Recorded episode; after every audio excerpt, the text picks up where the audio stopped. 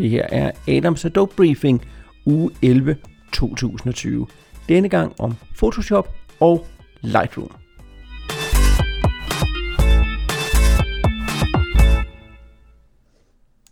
Mit navn er Adam Bindslev, og det her er Adams Adobe Briefing, en podcast fra onlinekurser og nyledige.dk.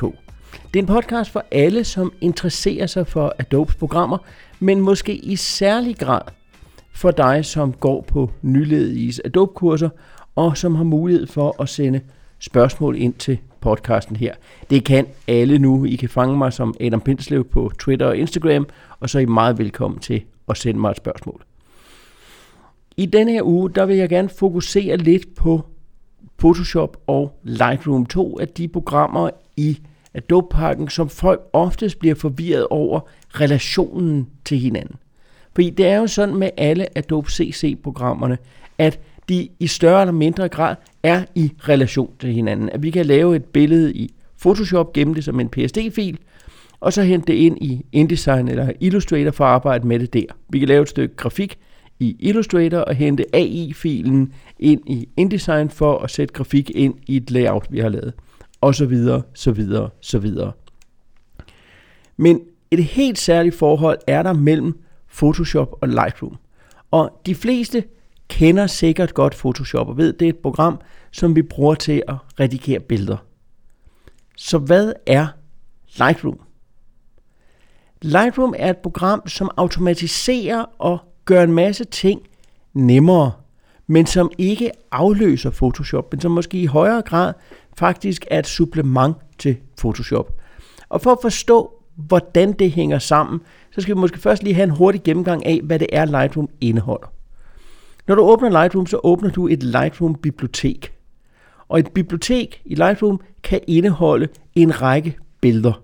Det vil altså sige, at det er en database, hvor du har indekseret en masse billeder, og dem kan du så arbejde med inde i programmet. Du kan give dem keywords, du kan give dem stjerner, du kan ordne dem i samlinger og alt muligt andet. Og så er Lightroom altså opbygget i en række forskellige moduler, hvor at det, som er det vigtigste af de moduler, det er det modul, der hedder Develop. Og i Develop, der finder man så en række indstillinger til at ændre, hvordan billedet ser ud. Her kan vi ændre eksponeringen, vi kan åbne op i skyggerne, vi kan lukke ned i højlysene, vi kan konvertere til sort-hvid, vi har mulighed for at arbejde med pensel og lave lokale justeringer af den ene eller den anden art. Vi kan ændre på hvidbalance. Vi kan helt taget lave en masse ved vores billeder. Og så er det med, at der er mange, der tænker, jamen, hvis jeg kan det i Lightroom, hvad er så forskellen på Lightroom og Photoshop? Og svaret på det spørgsmål er, at lige netop develop-modulet i Lightroom rent faktisk har en pendant i Photoshop.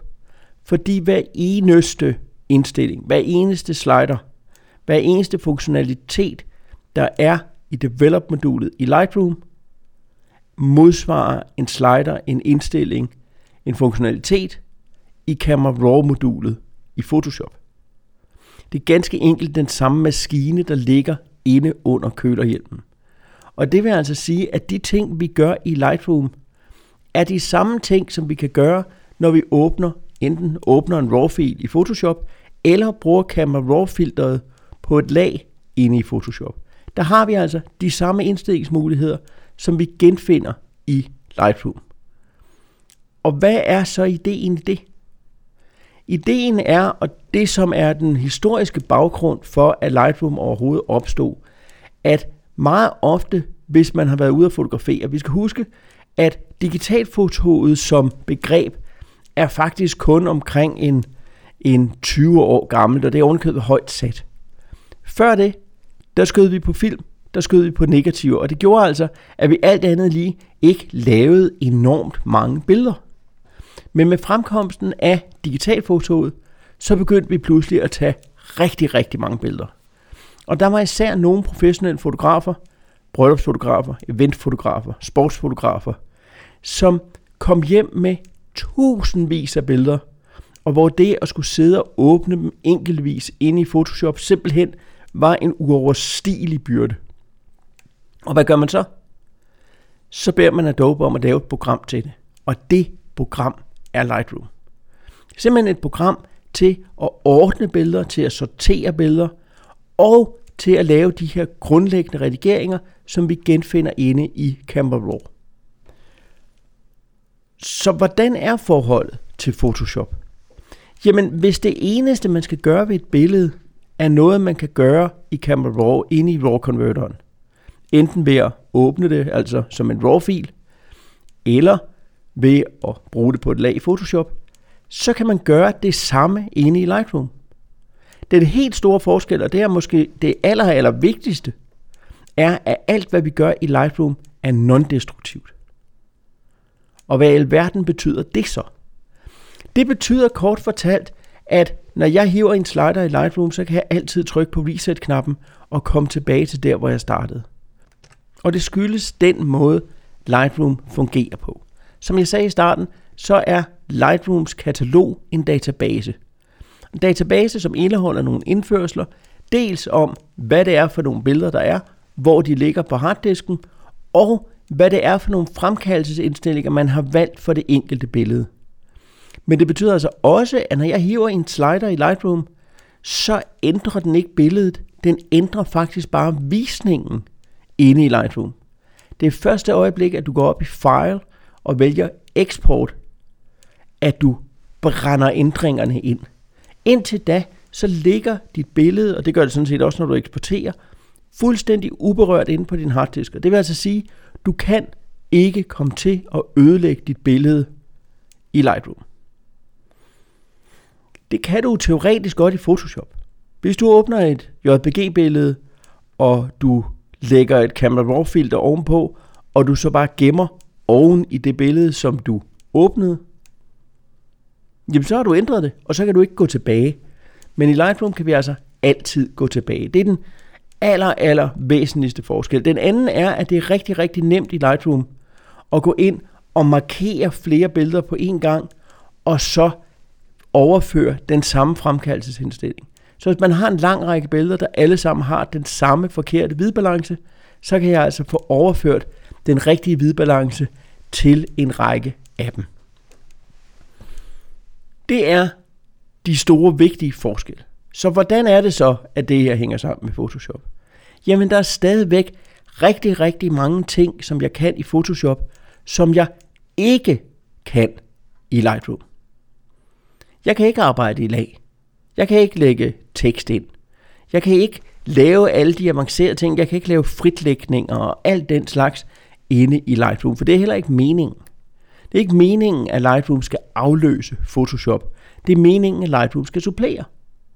At jeg altså kan lave min grundlæggende fremkaldelse inde i Lightroom, og hvis jeg så vil noget mere, så kan jeg højreklikke på billedet i Lightroom og sige åben i Photoshop. Og på den måde kan jeg arbejde videre med det over i Photoshop, hvor jeg så kan de rigtig avancerede ting, og så kan jeg ovenikøbet gemme det og få lagt det tilbage i databasen i Lightroom. Så på den måde så hænger de her to programmer altså sammen, sådan at vi i stedet for at åbne RAW-filen i Photoshop og lave fremkaldelsen der, så kan tage RAW-filen, fremkalde den ind i Lightroom og gå forbi RAW-converteren i Photoshop og direkte ind til den sådan mere heavy lifting, vi vil lave derinde. Og det betyder så altså også, at hvis du ikke har noget retuschering, du skal lave, du ikke skal fritlægge noget, og du skal ikke arbejde i lag, og du skal ikke alt muligt andet, jamen så kan du blive i Lightroom og lave de redigeringer, du har brug for. Og så er der altså lige her til sidst i denne her Lightroom Photoshop briefing en ting, som jeg også bliver nødt til at nævne. Nemlig, at der er to udgaver af Lightroom. Det er efter min mening noget af det dummeste navngivning, som Adobe nogensinde har lavet.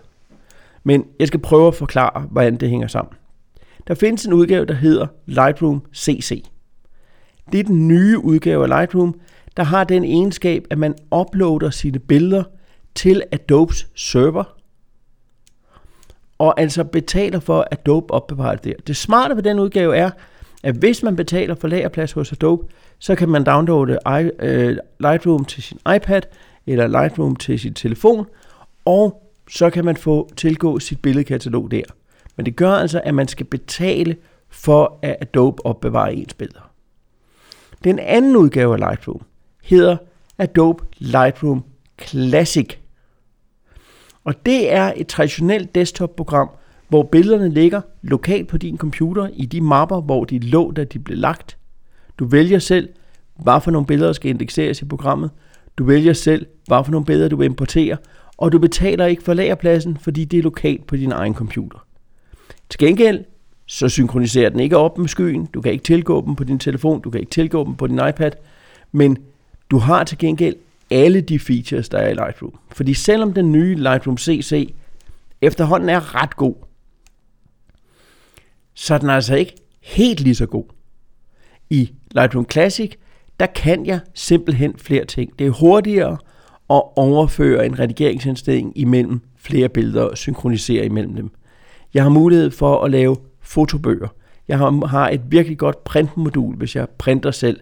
Jeg har en masse muligheder inde i Lightroom Classic, som jeg stadigvæk ikke har i Lightroom CC.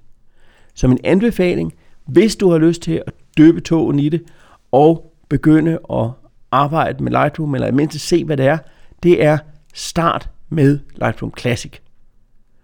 Og se, hvordan at det spiller enormt godt sammen med Photoshop. Fordi du får altså en bedre oplevelse i det program, end du gør i Lightroom CC. Hvis du så har lyst til at have et program, hvor du kan synkronisere dine billeder imellem din telefon og din iPad og alle mulige andre steder, så er Lightroom CC fremragende. Og igen, heldigvis så hedder de forskellige sliders altså det samme på i Camera Raw, i Lightroom Classic og i Lightroom CC. Så det du lærer om, hvordan du fremkalder, kan du altså bruge i alle tre programmer. Der er lige et par små ting, som at det ikke er alle øh, keyboard shortcuts, som er de samme, hvilket må tilskrives noget, der nærmest ligner ondskab fra Adobes side. Men altså, bortset fra det, så er det mere eller mindre de samme funktioner, vi har, bare med lidt flere, vi kan kalde det ekspertfunktioner, inde i Lightroom Classic. Og det var så Adams Adobe Briefing uge 11 2020. Jeg hedder som sagt Adam Bindslev på Twitter og på Instagram. Og du er meget velkommen til at sende mig et spørgsmål. Vi høres ved igen i uge 13.